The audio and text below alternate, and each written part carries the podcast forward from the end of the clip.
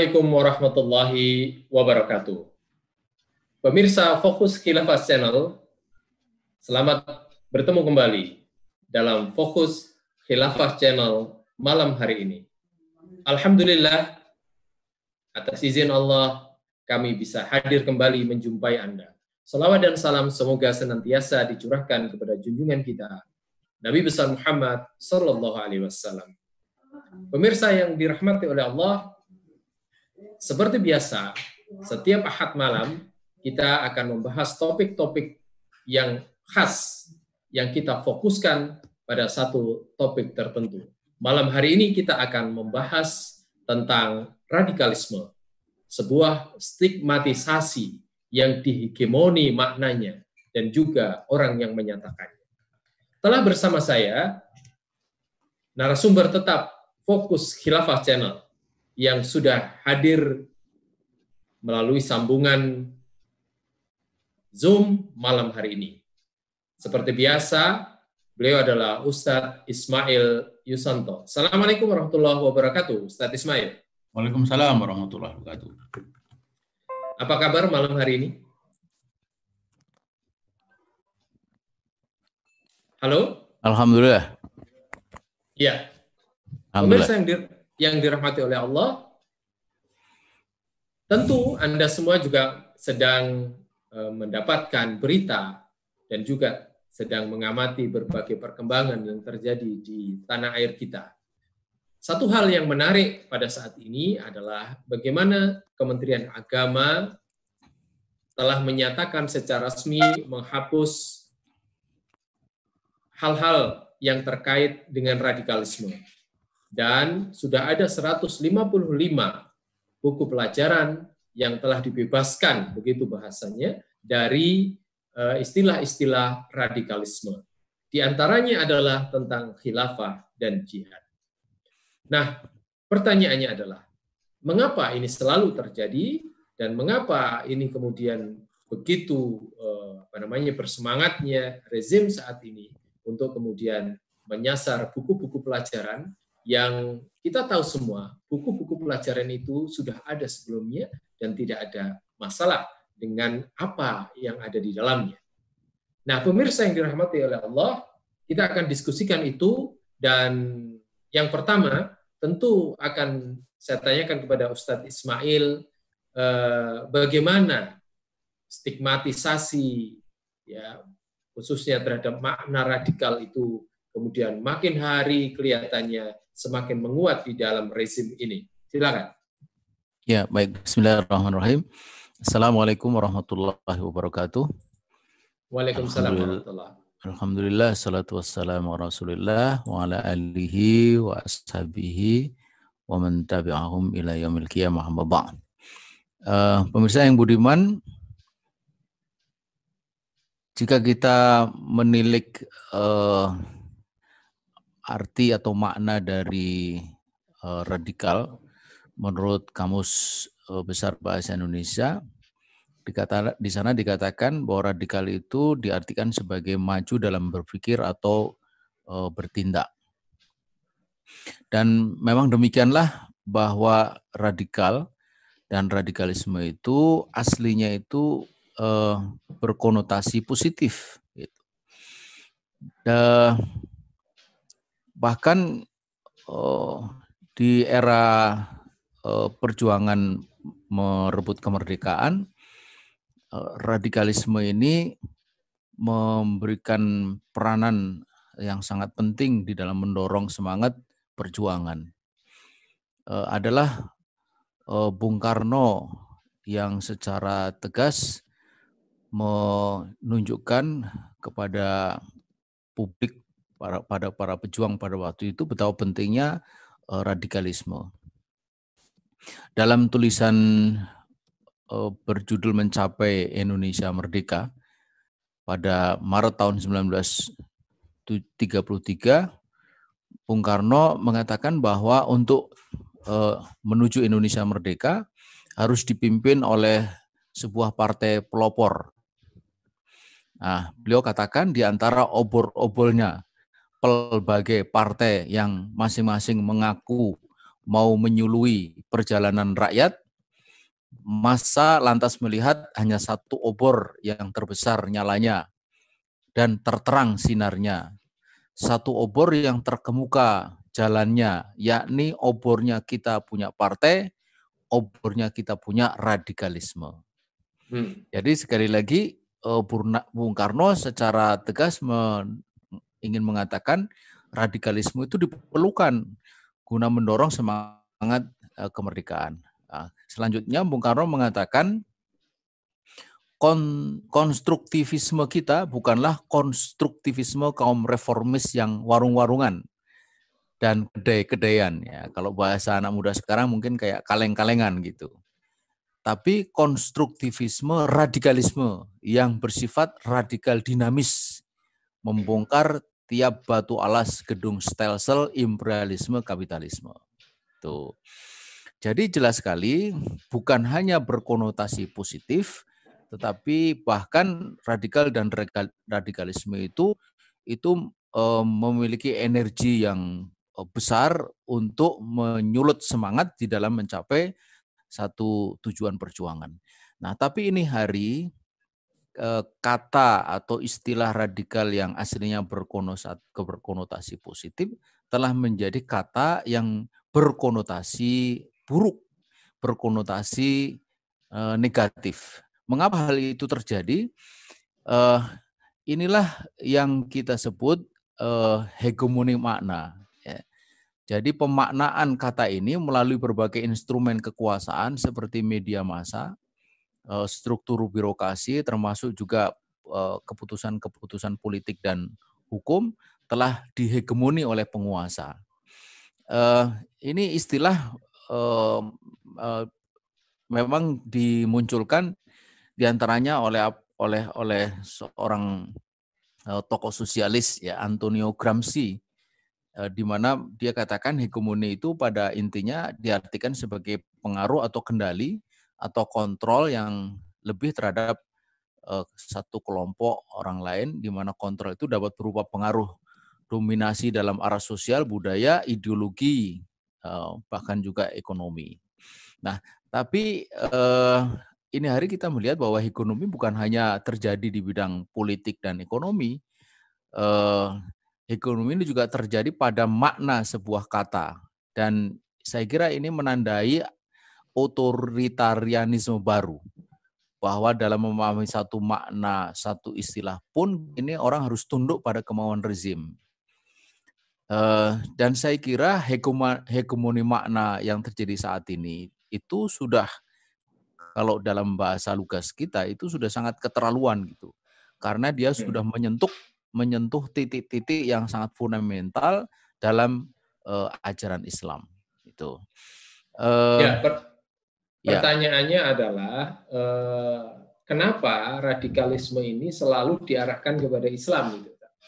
Ya, Uh, saya kira uh, ini kan ini kan kita coba me, me, mencoba untuk memahami bahwa bahwa diperlukan kalau kalau pakai istilah silat itu berbagai jurus dalam menghadapi uh, dinamika umat Islam itu dan uh, jurus yang paling mudah itu adalah kalau di dalam uh, istilah uh, apa uh, psikologi psikologi masa itu itu is, uh, dengan strategi yang disebut strategi labeling. Jadi uh, setelah sukses atau setelah berhasil melakukan hegemoni makna ya radikal bahwa radikal itu sesuatu yang berkonotasi uh, buruk maka kemudian eh, radikal yang sudah berkonotasi buruk itu itu dilekatkan dilekatkan kepada eh, kepada pihak yang atau kepada satu satu sistem gagasan yang hendak diserang gitu. Nah di sinilah kita melihat ya strategi itu, strategi labeling itu sekarang sedang berjalan. Jadi kalau ditanya kenapa itu dilekatkan kepada Islam karena memang Islam itulah yang sekarang menjadi sasaran gitu. Hmm. Dan dan kenapa kemudian disebut sebagai radikal? Karena itu cara yang paling mudah gitu. Jadi dengan teori labeling itu begitu orang dikatakan radikal, maka seperti seolah-olah absah dia itu diperlakukan uh, secara semena-mena seperti yang saat ini terjadi. Kalau kita lihat perkembangan politik yang ada, apakah ya. uh, stigmatisasi ini merupakan kemauan rezim sendiri ataukah ada uh, tekanan dari barat atau pesanan dari barat untuk uh, secara global itu menekan perkembangan Islam di berbagai wilayah di dunia. Ya, ini memang tidak bisa dilepaskan dari konteks politik uh, global ya. Kita tahu bahwa bahwa uh, dunia barat itu tahu persis uh, upcoming challenger atau uh, lawan di masa yang datang itu adalah dunia Islam. Uh, dunia Islam memiliki atau menyimpan energi besar untuk uh, tampil menjadi uh, kekuatan penanding bagi hegemoni Barat selama ini. Nah, uh, bagaimana cara menghadapinya? Eh, cara menghadapinya yang paling mudah adalah bagaimana eh, Islam ini di, dihadapi secara dini ya dengan aneka macam eh, strategi. Ya.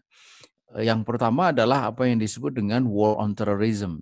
War on terrorism itu sesungguhnya hanyalah kedok saja atau mas topeng saja untuk maksud sesungguhnya yaitu war on Islam. Mengapa kita bisa mengatakan begitu karena uh, kita melihat bahwa jika uh, terorisme itu ada dua ya. Yang pertama, jika terorisme itu diartikan sebagai uh, individu atau kelompok dalam usahanya menggunakan kekerasan, ternyata yang paling banyak menggunakan kekerasan itu justru negara-negara barat, khususnya Amerika.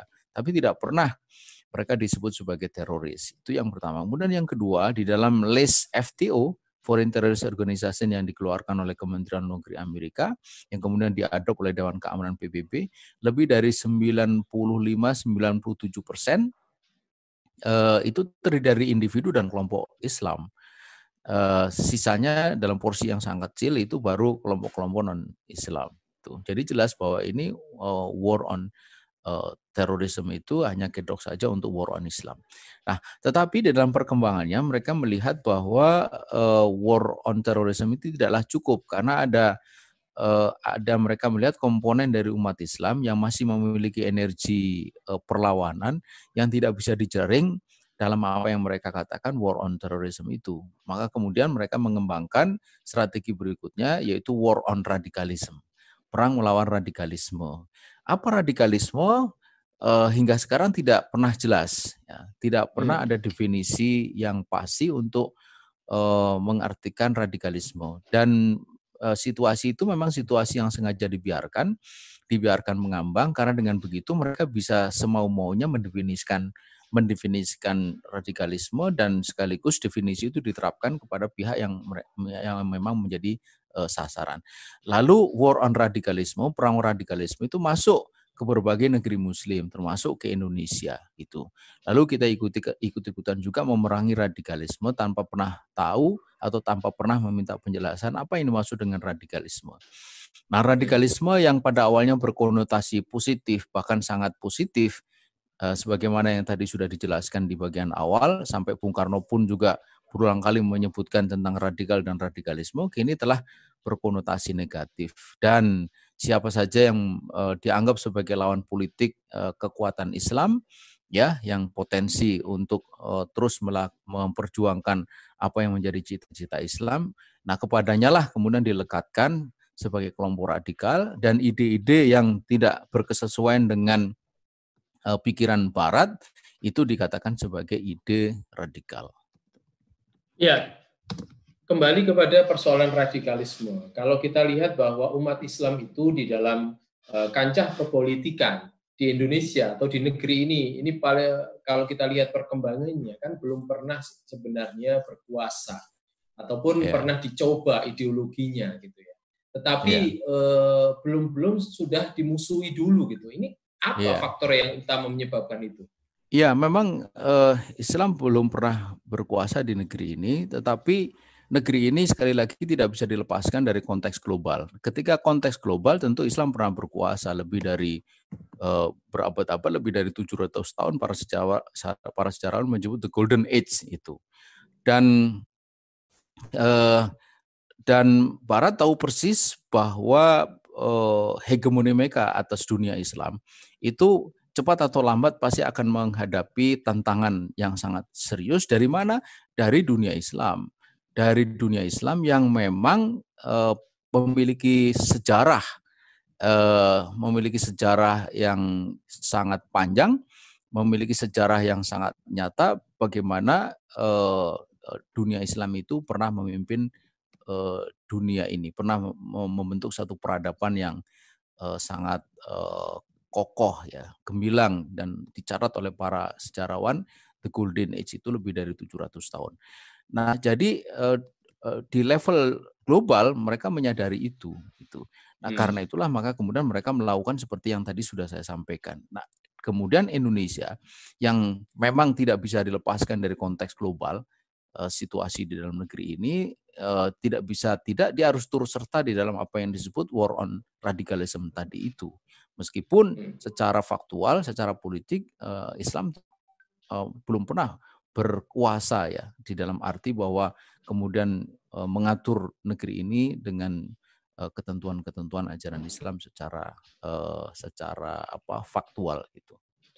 Sebenarnya menurut Anda ini seberapa bahayanya lah begitu ya pertumbuhan atau perkembangan Islam itu sehingga Islam itu dianggap sebagai musuh gitu ya oleh negara. Padahal kan kalau kita lihat dari sisi bagaimana penguasaan di parlemen dan kemudian di apa namanya perkembangan sosial politik masyarakat yeah. ya itu belum belum mendapatkan tempat yang uh, utama begitu ya masih berada yeah. di pinggiran itu seperti apa ya yeah. ini kan sebenarnya psikologi ini bukan psikologi yang didasarkan kepada rasionalitas belaka Hmm. Kalau dihitung secara rasional, sebenarnya kan kekuatan politik Islam itu sekarang justru pada titik yang sangat lemah, ya hmm. jauh dibanding misalnya eh, pada masa Orde Lama di mana di sana ada Masumi, lalu ada eh, NU yang masih eh, kuat secara ideologi. Gitu. Nah sekarang partai seperti Masumi sudah tidak ada. Eh, P3 yang di, di, di awal-awal dulu itu dia harapkan bisa meneruskan jejak Masumi kan pada kenyataannya eh, bahkan terus mengalami peluruhan secara politik pun juga secara ideologi. Ya, suaranya pada pemilu terakhir justru sangat kecil.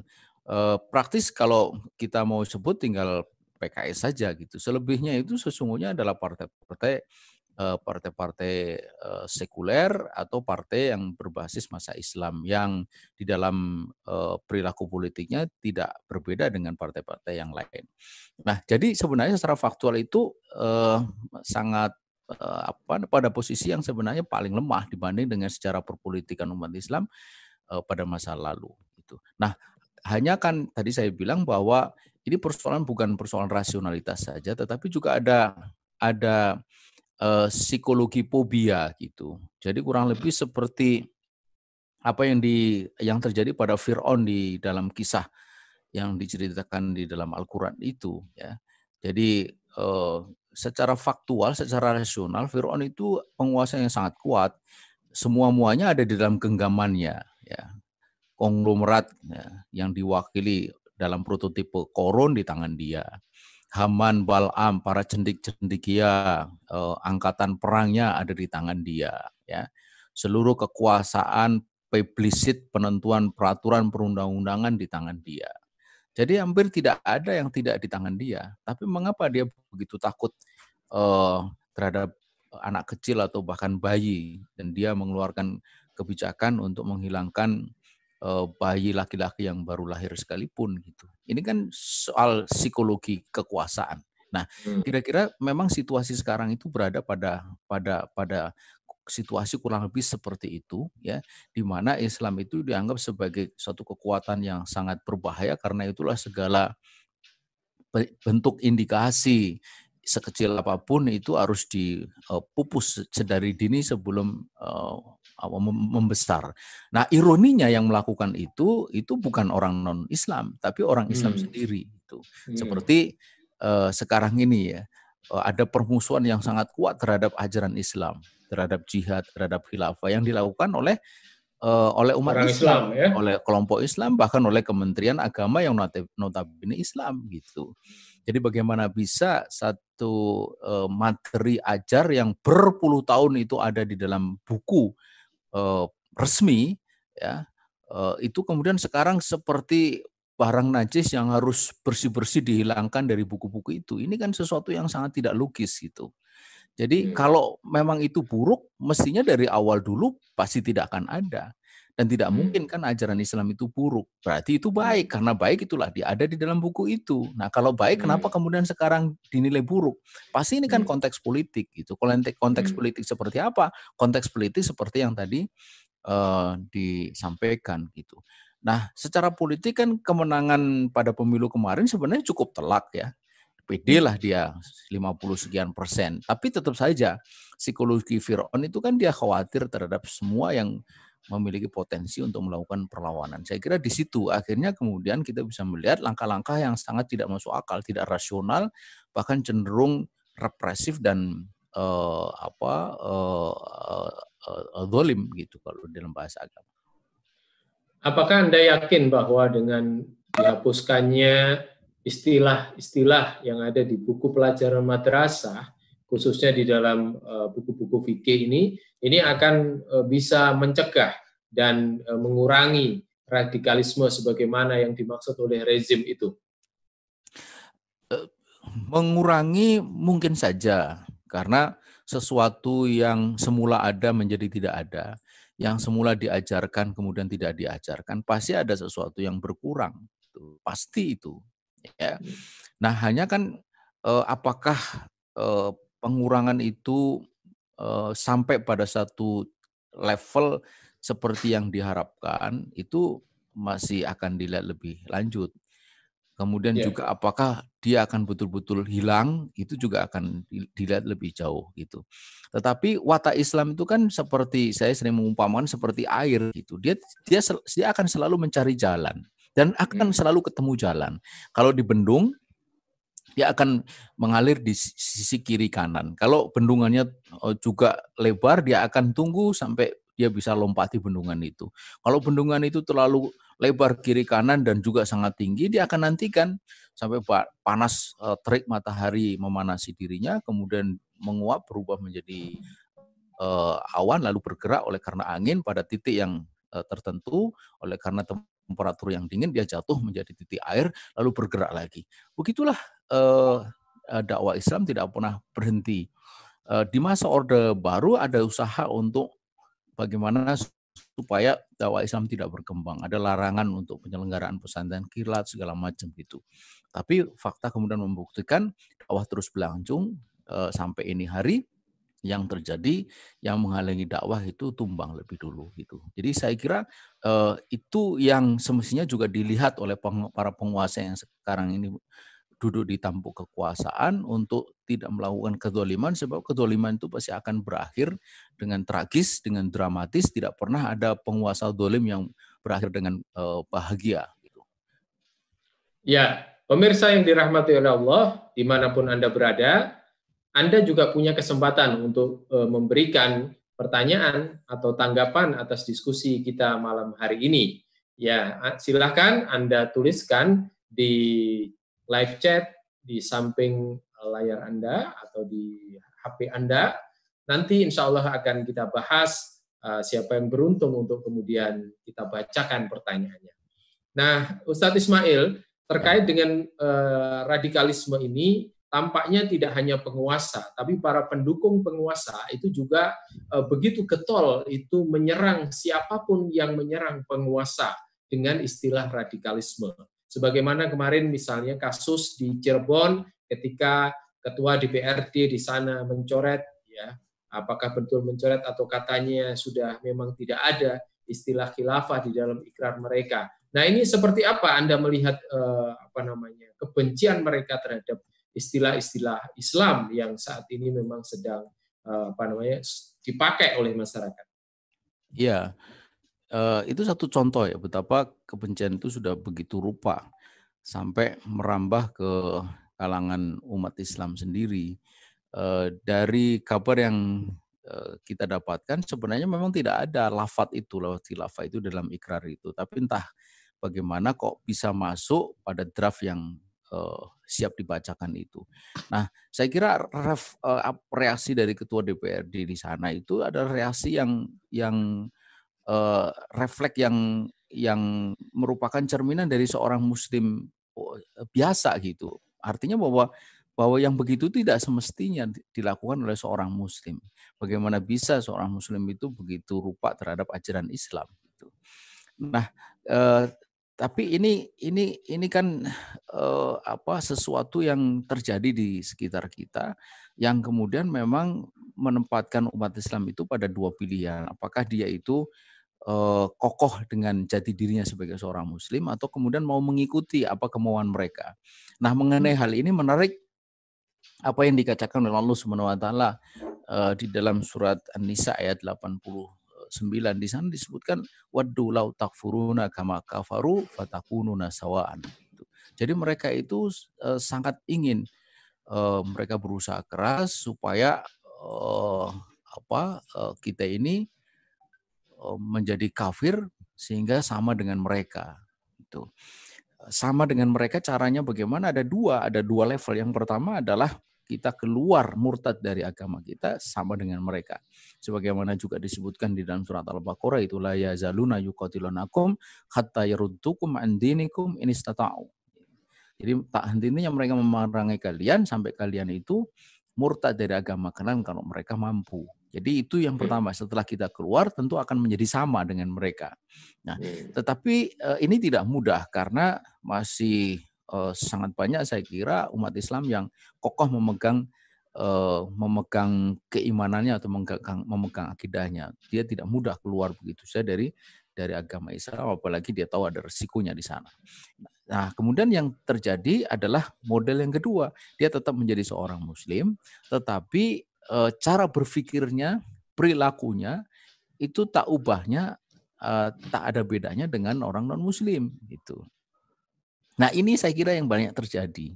Ketika orang non muslim itu dia tidak suka kepada ajaran Islam dengan berbagai alasan, ya, uh, oleh karena perspektif politik yang keliru tadi itu. Nah, ini yang kemudian dicoba didiseminasikan kepada orang-orang Islam ya atau kelompok Islam yang kemudian mereka itu terpengaruh dan jadilah mereka itu seperti orang-orang itu gitu. Ah, di sinilah fatakunu sawaan. Lalu jadilah orang-orang itu sama. Kalau orang non itu tidak suka kepada ajaran Islam, orang Islam juga tidak suka kepada ajaran Islam. Nah, ini sesuatu yang saya kira sedang berlangsung saat ini.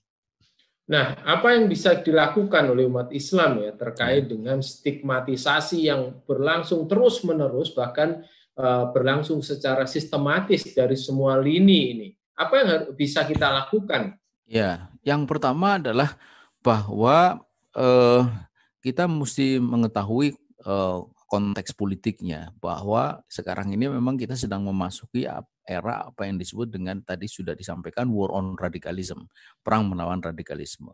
Dan perang melawan radikalisme itu sama sebagaimana war on terrorism tadi itu adalah kedok adalah emas atau topeng untuk maksud sesungguhnya itu war on Islam. Tidak Islam secara keseluruhan, tetapi Islam yang membahayakan kepentingan Barat, membahayakan hegemoni Barat atas dunia Islam. Eh, sikap-sikap pandangan pandangan politik khususnya yang bersumber dari ajaran Islam itu akan memberikan uh, spirit luar biasa bagi terbentuknya sebuah tatanan Islam ya Islami yang lepas dari pengaruh apalagi hegemoni barat dan itu yang tidak dikehendaki oleh mereka. Itu pertama yang harus disadari konteks politiknya bahwa kita sekarang ini ada di war on radikalisme. Kemudian yang kedua tentu saja adalah bahwa kita harus memiliki semacam uh, kalau dalam bahasa kesehatannya itu uh, yaitu uh, imun ya. Uh, Imunitas uh, ya. Imunitas itu. Uh, imunitas. Nah, imunitas itu itu adalah ke, adalah mekanisme, kemampuan mekanisme di dalam tubuh umat Islam untuk menepis serangan-serangan seperti itu. Jadi sekarang ini kita harus menyadari kita berada di dalam apa yang disebut uh, Rasul Fikri, perang pemikiran. Jadi hmm. Bukan hanya perang militer, ya Rasul Askari, perang militer ada juga sebagaimana yang kita saksikan di Palestina, ya umat Islam di sana terus diserang secara fisik Eh, selain itu juga ada perang pemikiran. Kita secara fisik tidak diserang, tapi pikiran kita yang diserang. Kalau pikiran sudah diserang, maka kemudian perasaan dan perilaku umat Islam itu akan sama dengan mereka, akan luruh, akan rusak, hancur, dan uh, tidak akan tampak jati diri dia sebagai seorang Muslim lagi gitu. Nah, salah satu bagian dari uh, Fikri itu adalah apa yang disebut oleh uh, Dr. Ibrahim itu sebagai apa yang disebut uh, al-ghazful mustalahah ya perang perang istilah ya perang istilah ini satu istilah yang sangat uh, menarik ya dikemukakan oleh beliau bahwa saat ini kita sedang berhadapan dengan apa yang disebut perang istilah. Nah, perang istilah itu intinya adalah yang tadi sudah disampaikan yaitu pada uh, memenangkan hegemoni, memenangkan uh, perebutan makna di dalam perebutan makna satu istilah. Ya, dia katakan Dr. Ibrahim Khidir itu di dalam uh, makalah pendeknya tentang Islam Waharbul Mustalaha itu satu ada penyimpangan makna istilah. Jadi satu istilah disimpangkan maknanya. Apa contohnya? Contohnya adalah pada apa yang sekarang kita hadapi di RUU HIP itu. Itu kan ada di sana lafat iman dan takwa iman dan takwa itu kan lafat Islam. Itu istilah Islam, iman dan takwa. Nah, tetapi eh, coba disimpangkan maknanya atau didangkalkan maknanya dengan disebutkan di sana di dalam pasal 12 eh, RUU HIP eh, bahwa ciri manusia Pancasila itu dikatakan adalah beriman dan bertakwa menurut dasar kemanusiaan yang adil dan beradab. Bagaimana bisa iman dan takwa itu menurut uh, sesuatu yang bersifat uh, imanen. Iman dan takwa itu kan urusannya dengan Tuhan. Mestinya kan menurut dasar dan ukuran Tuhan itu. Menurut dasar dan ukuran wahyu, menurut dasar dan ukuran yang bersifat transenden. Dalam hal hmm. ini dalam eh, dalam konteks agama Islam tentu berdasarkan Quran dan hadis. Tetapi di dalam istilah itu di dalam rancangan undang-undang itu disebutkan berdasar, menurut dasar kemanusiaan dan adil dan beradab gitu.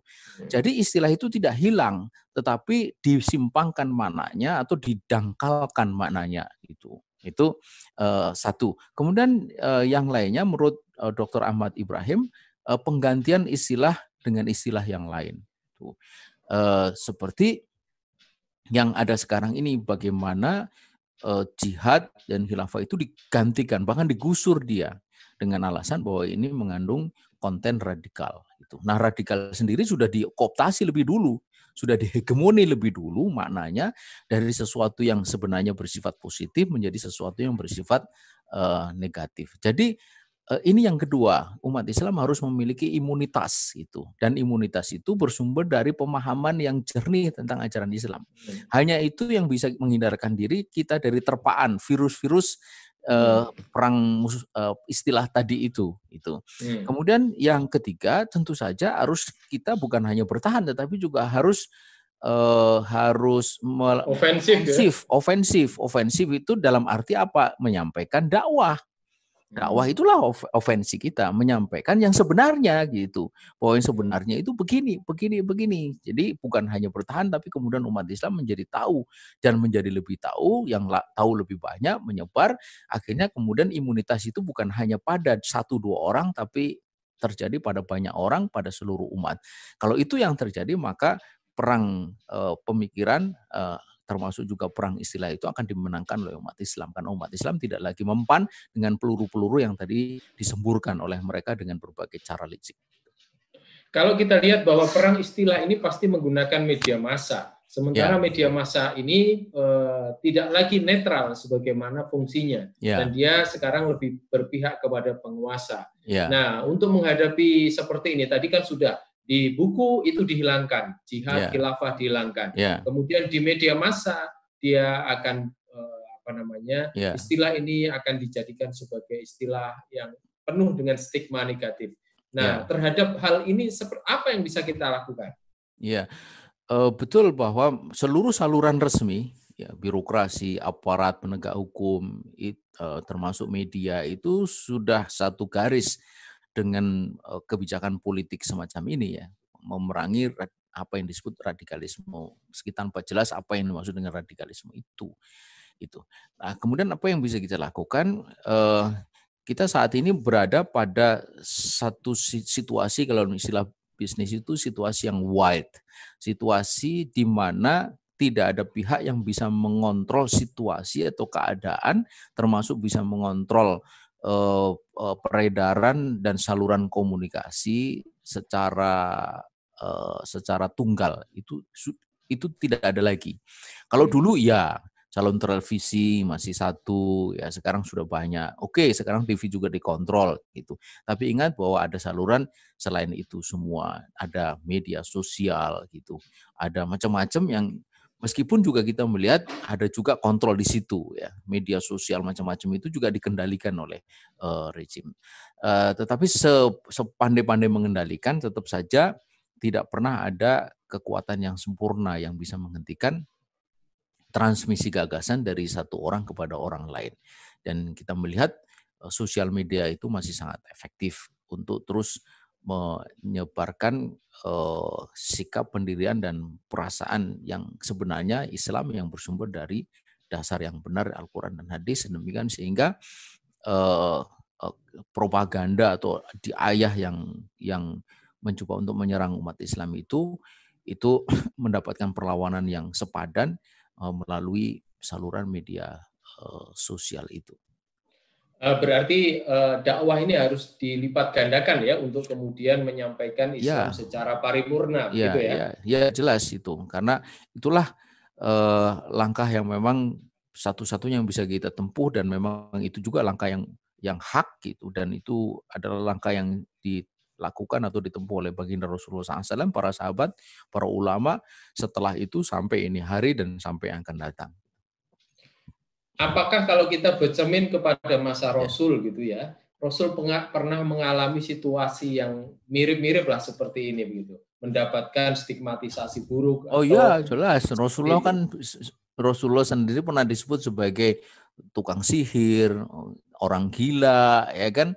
hmm. macam-macam gitu yang yang uh, mencoba mendegradasi posisi Rasulullah SAW termasuk juga mendegradasi mendegradasi pesan-pesan melakukan pembusukan pada pesan-pesan hmm. yang disampaikan oleh baginda Rasulullah SAW. Tapi kan kemudian tetap saja pada masa itu belum ada media sosial, yeah. tapi saluran-saluran yang menyentuh kepada sisi-sisi uh, yang bersifat fitrah pada diri manusia itu berhasil uh, atau tidak berhasil dihentikan oleh oleh penguasa pada waktu itu gitu. Akhirnya kan hmm.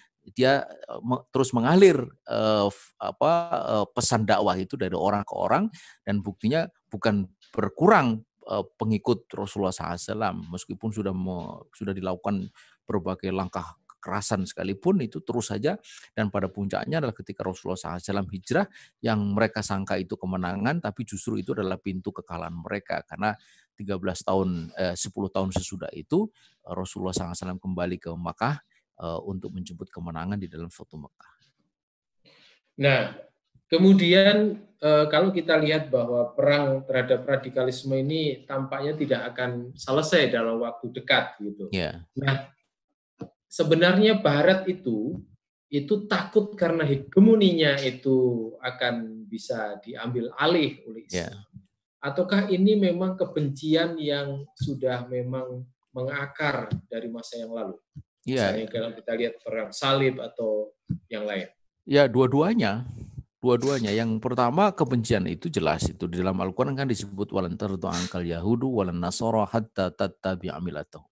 Itu tidak pernah keliru ketika Allah Subhanahu wa taala memberitahu kepada kita mereka itu tidak akan pernah ridho. Di situ kan ada lam dan nun itu kalau para ulama menyebutnya itu sebagai li ta'bid ya menunjukkan keabadian artinya kebencian itu bukan hanya pada satu kurun waktu tertentu ya bukan latardo kalau latardo mungkin hari ini tidak ridho besok pada waktu yang akan datang setahun lagi, 5, 10 atau 100 tahun lagi mereka menjadi ridho. Ini tidak. Jadi li ta'bid artinya uh, ini posisi yang akan terus-menerus terjadi seperti itu bahwa mereka tidak akan ridho sampai kita itu mengikuti milah mereka. Nah, milah hatta tattabi'a millatahum. Nah, milah di sini way of life dari sisi agama kita tetap menjadi muslim tapi milah kita bisa menjadi, mengikuti milah mereka itulah yang terjadi hmm. sekarang sehingga ada orang Islam yang kapitalis ya orang Islam sekuler bahkan orang Islam komunis pada masa dulu Semaun itu dia hmm. aktivis syarikat Islam hmm. tapi sekaligus dia adalah ketua umum Partai Komunis Indonesia hmm. yang pertama gitu uh, apa namanya uh, Islam tapi dia sosialis, Islam dia kapitalis, sebagaimana juga Kristen kapitalis. Konghucu iya. kapitalis atau Hindu kapitalis itu. Hmm. Jadi sisi-sisi politiknya itu mengikuti ideologi yang ada. Nah, jadi uh, itu yang pertama kebencian itu memang kebencian yang yang yang yang berurat rakar pada diri mereka itu. Nah, hmm. mengapa bisa begitu? Uh, yaitu kalau kita tarik lebih jauh lagi ini watak-watak manusia yang yang yang di dalamnya itu ada fujur dan takwa itu itu satu. Hmm. kemudian yang kedua memang juga mereka tidak mau kehilangan hegemoni itu. Dunia Islam itu dunia yang sangat strategis. Secara geografis dia ada di bentangan yang sangat eh, sangat apa penting gitu. Ya lihatlah kawasan Asia eh, apa namanya orang menyebut Timur Tengah ya. Kalau mereka menyebut Asia Barat itu, itu kan wilayah kunci di situ. Itu ada terusan Suez ya. Bayangkan kalau kalau terusan Suez itu tidak lagi bisa dilalui, mereka harus berputar mengelilingi benua Afrika itu hmm. dari Eropa untuk sampai ke Asia. Indonesia juga sangat strategis sudahlah strategis juga sangat kaya. 60-70 persen cadangan minyak dan gas dunia itu di dunia Islam. Belum lagi tambang mineral dan lain-lainnya gitu. Karena itulah maka mereka tidak ingin kehilangan grip atau pegangan dari dunia yang sangat penting itu secara ekonomi, secara politik pun juga secara budaya dan secara ideologi. Karena itulah maka mereka berusaha untuk sedari dini ya ibarat Fir'aun tadi itu jangan biarkan anak laki-laki itu menjadi dewasa sebelum dewasa masih bayi sekalipun dia harus dipukul gitu dan itulah yang sedang terjadi saat ini. Baik Ustaz Ismail, kita akan menyapa para pemirsa yang ya. Luar biasa masih mengikuti acara kita malam hari ini dan sudah ada beberapa pertanyaan yang masuk melalui live chat dan pertanyaan pertama saya bacakan dari Rini Irmawati. Ustadz, mengapa pemerintah kita begitu takut kalau Islam itu akan memimpin negeri ini? Apa yang membuat pemerintah selalu membenarkan rezim-rezim Barat ikut-ikutan, kemudian anti radikalisme? Ya, uh, yang pertama tentu ini ada ada juga unsur uh, salah paham.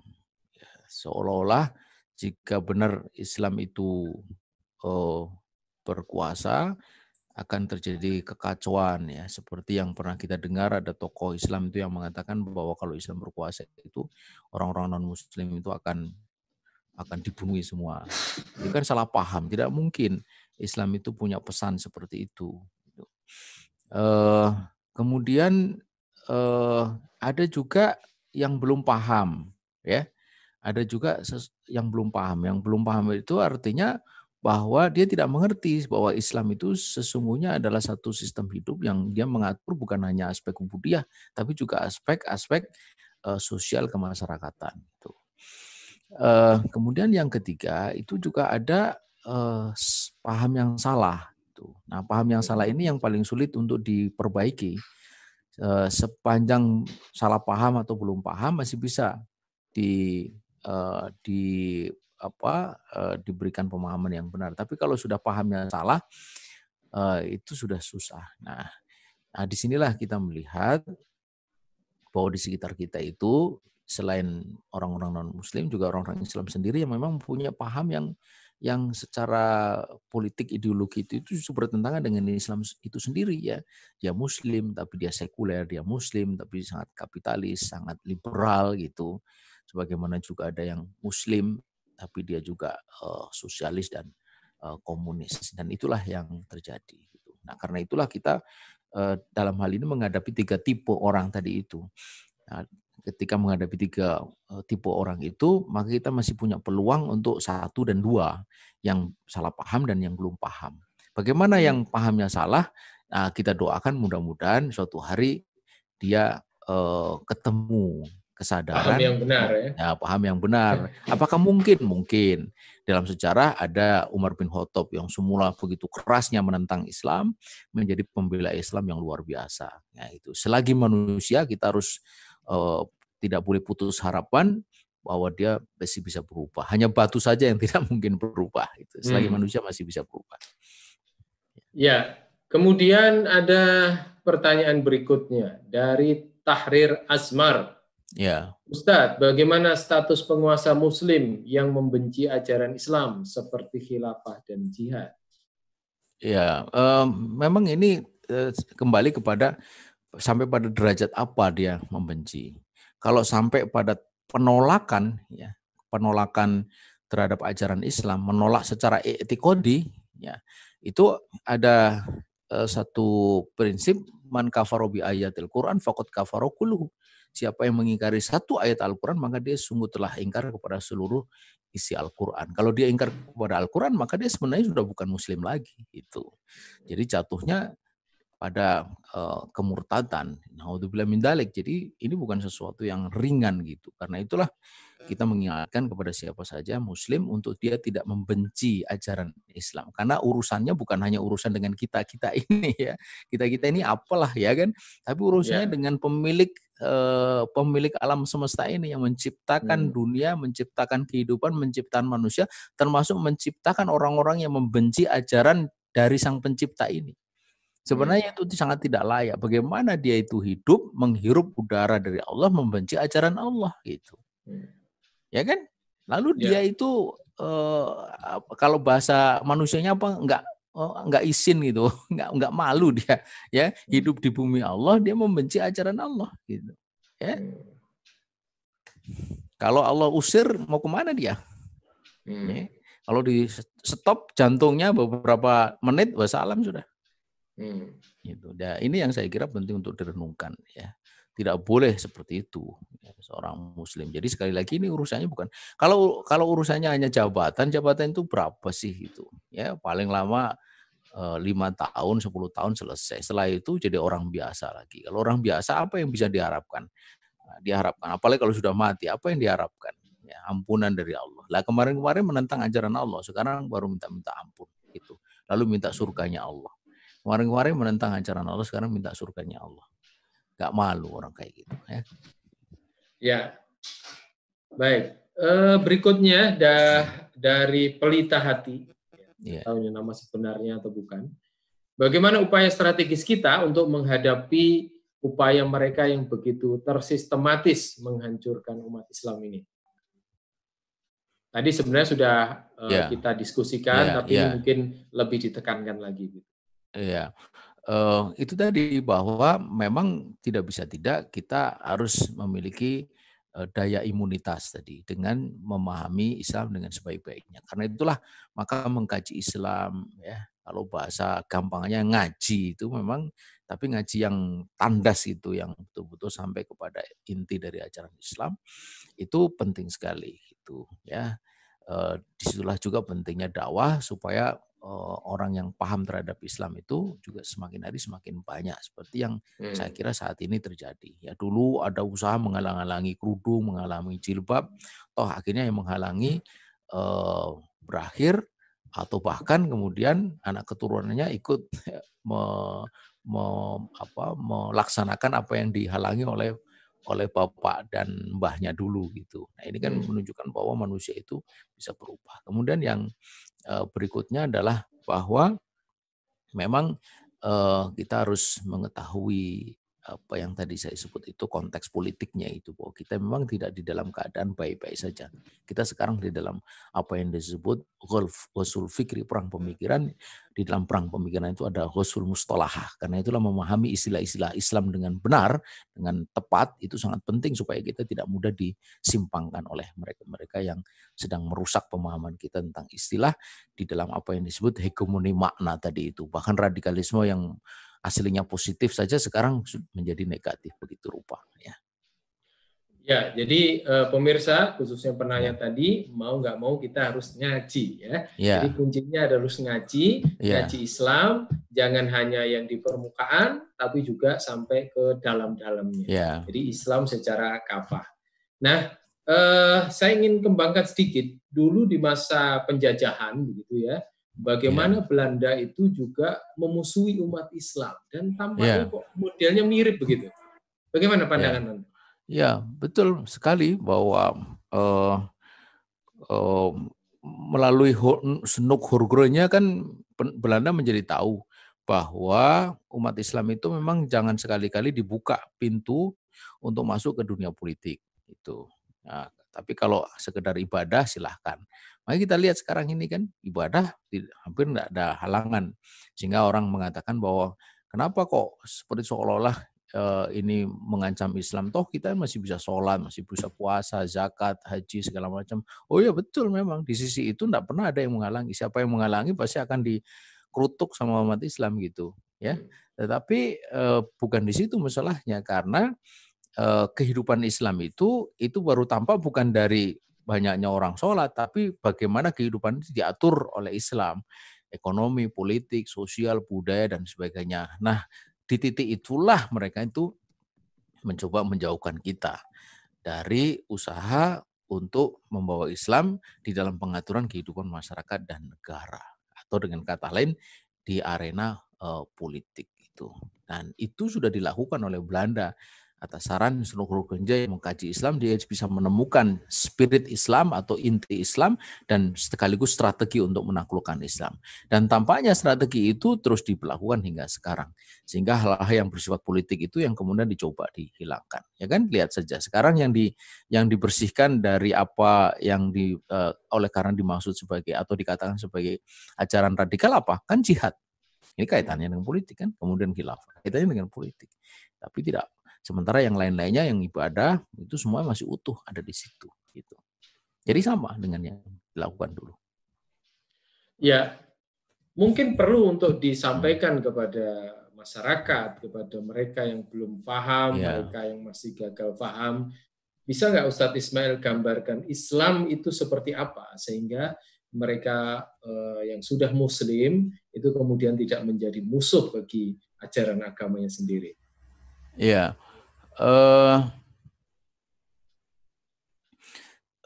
ya yang yang kita lakukan itu hanya ada uh, dua paling tidak itu. Yang pertama adalah tadi itu ya uh, me, me, Nasrul Akar yang menyebarkan pemikiran Islam, pendapat Islam dengan benar gitu agar kemudian mereka menjadi tahu seperti apa semestinya seorang muslim itu gitu ya. Kemudian yang eh, kedua adalah eh, kita juga mendoakan eh, mendoakan mereka agar mereka itu seperti yang dilakukan oleh Rasulullah SAW. Allahumma di kaumi fa innahum la ya'lamun. Ketika mereka menyerang Rasulullah SAW, Rasul mendoakan, ya Allah berikanlah petunjuk kepada kaumku karena kaumku ini tidak mengetahui itu. Nah, begitu juga dengan kita, agar kemudian turunlah uh, apa uh, hidayah itu kepada mereka sedemikian sehingga mereka bisa uh, berubah menjadi baik menjadi pendukung uh, Islam itu. Nah, ini pertanyaan uh, berikutnya yang masuk. Hmm. Apakah bisa dikatakan bahwa uh, komunisme itu sedang bangkit di negeri ini sehingga Eh, semakin masif dan vulgar di dalam memusuhi uh, Islam begitu. Ya, yang memusuhi Islam. Apakah ini komunis ataukah juga ada kombinasi ya dengan uh, kapitalis begitu? Ya, yang yang yang yang menyebut war on radikalisme, war on terrorism itu mana? Dunia Barat itu. Hmm. Dunia Barat. Uh, tetapi yang me, apa, mendolimi saudara kita di Uighur siapa? Uh, penguasa komunis yang membantai umat Islam pada masa lalu para uh, kiai pesantren itu siapa? Komunis. Jadi kesimpulannya dua-duanya, dua-duanya. Jadi ya komunis, sosialis komunis, ya kapitalis liberalis. Itu kapitalis hmm. liberalis itu raja tega juga, ya kan? Yang menghancurkan Irak siapa? Negara-negara kapitalis. Yang menghancurkan Afghanistan kapitalis. Yang terus memperlakukan secara dolim umat Islam di Palestina siapa? Israel atas dukungan Amerika, negara kapitalis. Hmm. Itu.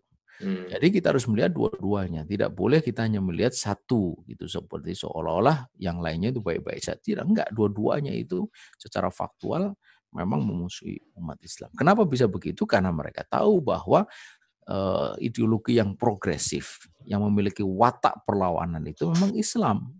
Itu. Hmm. Islam itu melawan siapa saja yang bukan Islam. Itu. Melawan dalam arti positif ya, ingin mengajak mereka kepada kebaikan ingin tetapi sekaligus juga tidak mudah ditaklukkan itu.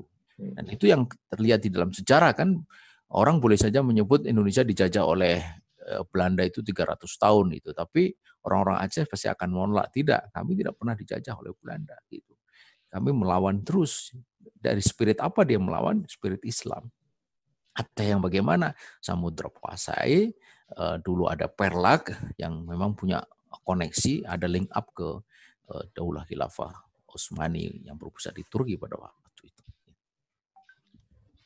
Ya, berikutnya ini ada pertanyaan juga. Ini bagaimana hmm. atau mengapa itu ada sebagian kalangan Islam itu justru cenderung mendukung rezim apa pun maunya rezim dan yeah. Mereka lebih menyalahkan ormas Islam yang lain yang berjuang untuk Islam yang yeah. sesungguhnya.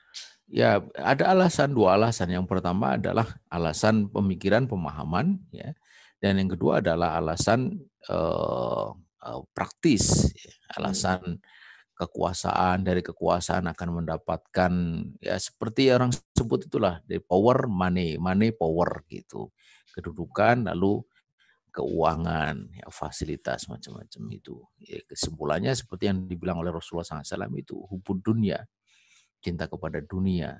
Akibatnya kemudian umat Islam itu menjadi tidak punya daya. Dia selalu menjadi uh, seperti bantalan gitu untuk penguasa itu naik ke atas, lalu setelah naik di atas ditinggal gitu. Dia hanya menjadi bantalan saja. Kalaupun dia dapat ya dapat dapat dari uh, dari dari keruil-keruilnya kekuasaan lah. Itu hanya ada dapat satu dua cepretan saja sudah senang.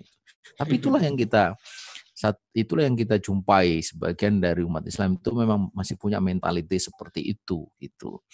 Uh, uh, uh, ujian dunia ya ini ya. Nah, iya ujian dunia gitu. Uh, uh, apakah itu cermin dari bahwa umat Islam miskin? Menurut saya bukan di situ, karena ada banyak sekali orang-orang yang sebenarnya hidup dalam keterbatasan. Di masa lalu ada Bilal yang bahkan dia seorang budak yang memiliki sikap uh, tauhid yang sangat kokoh gitu. Jadi ini persoalannya bukan di situ, tapi soalnya pada mentality tadi itu. Oh, mentality hmm. kita ini memang mentality mau diperbudak dan mentality uh, mudah di diiming-imingi gitu dengan sesuatu yang sebenarnya sangat uh, sangat kecil.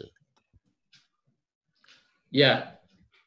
Satu lagi pertanyaan. Ya. Ini ada kabar bahwa Ayah Sofia dibuka kembali untuk sholat Ya. Apakah ini tanda-tanda dekatnya bisaroh Nabi SAW dan apa yang harus kita perankan ini?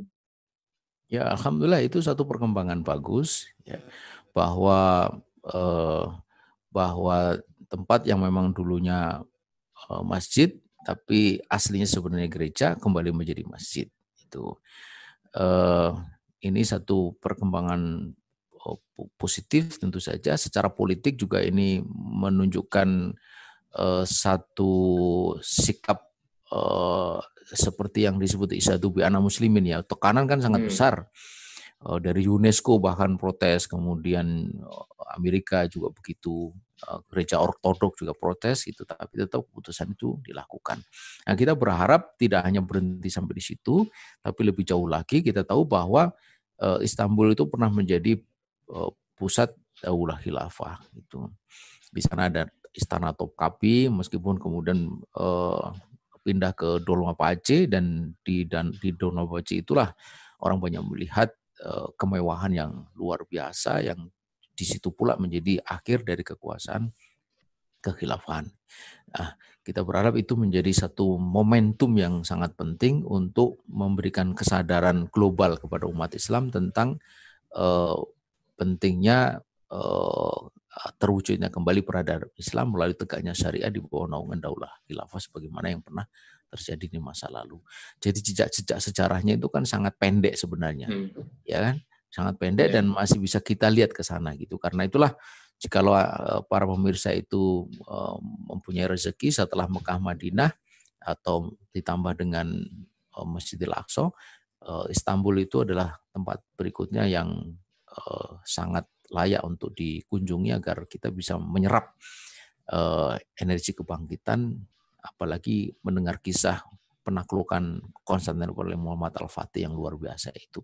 Itu akan mendorong semangat kita untuk terus berjuang meraih uh, kejayaan Islam kembali insya Allah. Ya, pemirsa fokus Khilafah Channel, pertanyaan dan tanggapan masih banyak di live chat, namun karena waktu juga yang harus eh, membatasi pertemuan kita, fokus Khilafah Channel sampai di sini. Namun sebelum kita berpisah, Ustadz Ismail akan memberikan satu closing statement terkait dengan bagaimana menghadapi hegemoni eh, eh radikalisme yang sekarang sedang terjadi. Silakan Ustadz. Ya, eh, pemirsa yang budiman, eh, seperti yang tadi disebut bahwa kita ini memang dalam posisi menjadi apa yang disebut di dalam Al-Quran itu objek ya.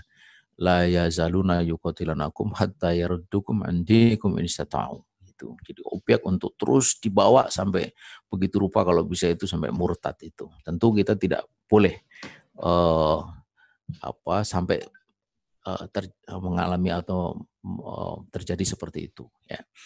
Uh, atau yang kedua adalah dibuat begitu rupa supaya kita sama dengan mereka. Waddu takfuruna kama kafaru sawaan. Nah, itu juga kita tidak boleh sampai seperti itu. Mengapa? Karena kita ini muslim. Muslim itu uh, tercermin dari cara berpikirnya dan perilakunya. Dan itulah takwa yang sesungguhnya. Takwa itu tersemin pada pikiran dan perilakunya. Dan itu pula yang akan dihisap di hadapan Allah Subhanahu wa taala. Karena itulah pastikan bahwa pikiran dan perilaku kita itu selalu pikiran dan perilaku yang berdasarkan kepada ajaran Islam. Uh, dunia itu sifatnya sangat sementara. Nabi mengatakan ma'anal ma'ana fid dunya karokibin istatolla tahta sajaratin thumma roha wa taroka tidaklah aku di dunia ini, tidaklah kita di dunia ini seperti kecuali seperti seorang pengendara yang dia sebentar singgah di bawah pohon istirahat kemudian berlalu. Nah, sebentar itu.